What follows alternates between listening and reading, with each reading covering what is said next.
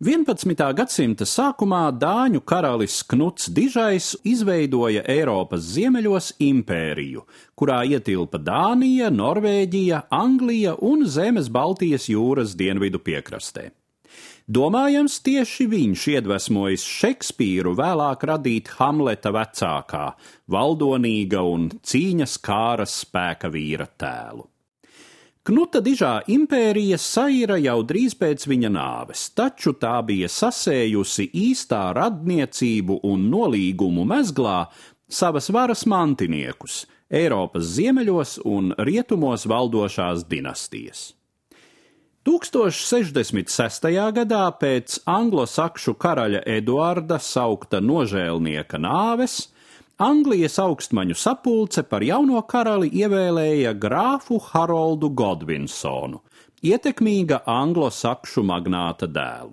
Tomēr jau ievēlēšanas brīdī Haroldam bija gluži skaidrs, ka uz viņa troni ir vismaz vēl viens pretendents - Normandijas hercogs Viljams, reizumis dēvēts arī par Viljamu bandu bērnu, jo viņš bija sava tēva, hercoga Roberta ārlaulības dēls. Laikā, kad Anglijā valdīja Knuts, vēlākais karalis Eduards Nožēlnieks ceturdaļ gadsimtu bija pavadījis trimdā Normandijā, tur iepazinies ar sava brālēna hercoga Roberta dēlu Viljamu, un, kā vēlāk apgalvots Viljama biogrāfijās, esot viņu tā iemīļojis, ka apsolījis viņam Anglijas troni. Viljamam bandu bērnam bija nācies smagi cīnīties, lai tiktu un paliktu tēva tronī un šais cīņās viņš bija izkopis nevien karavadoņa, bet arī izcila politiska kombinētāja spējas, un tās viņš tagad lika lietā pret Haroldu. Jau drīz Normandietis bija dabūjis savā pusē nevienu lielu daļu kaimiņu zemju valdnieku, bet arī pāvestu Aleksandru II. Harolds gatavojās karam, koncentrēja karaspēku, būvēja floti un organizēja pastiprinātu dienvidu piekrastes novērošanu. Un tieši šajā brīdī nelāgas ziņas pienāca no ziemeļiem, Te ar savu floti bija ieradies vēl viens troņa pretendents - Norvēģijas karalis Haralds, saukts Skarbais, kura tiesības it kā balstījās senā nolīgumā starp viņa tēvu, karali Magnusu un Knuta dižā dēlu Harta Knutu.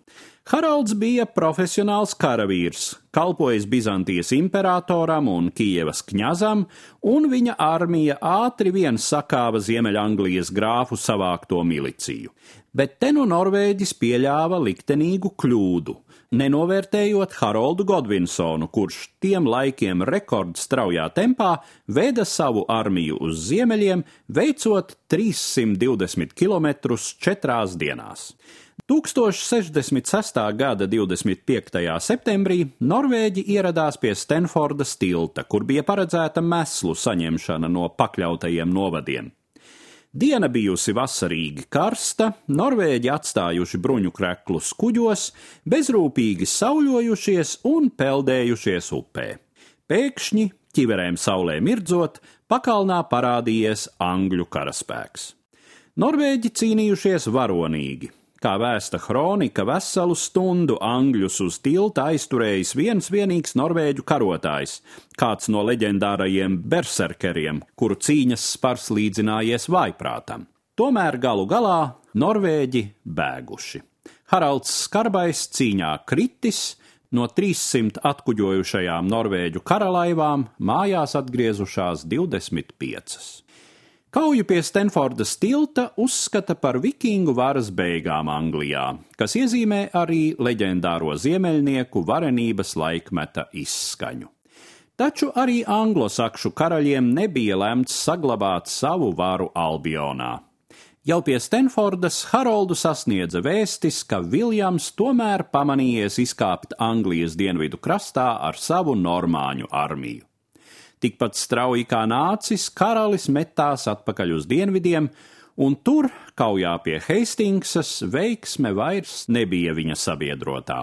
Harolds Godvinsons kaujā krita, un jau tā paša 1066. gada Ziemassvētkos Anglijai bija jauns karalis - Viljams, tagad saukts iekarotājs.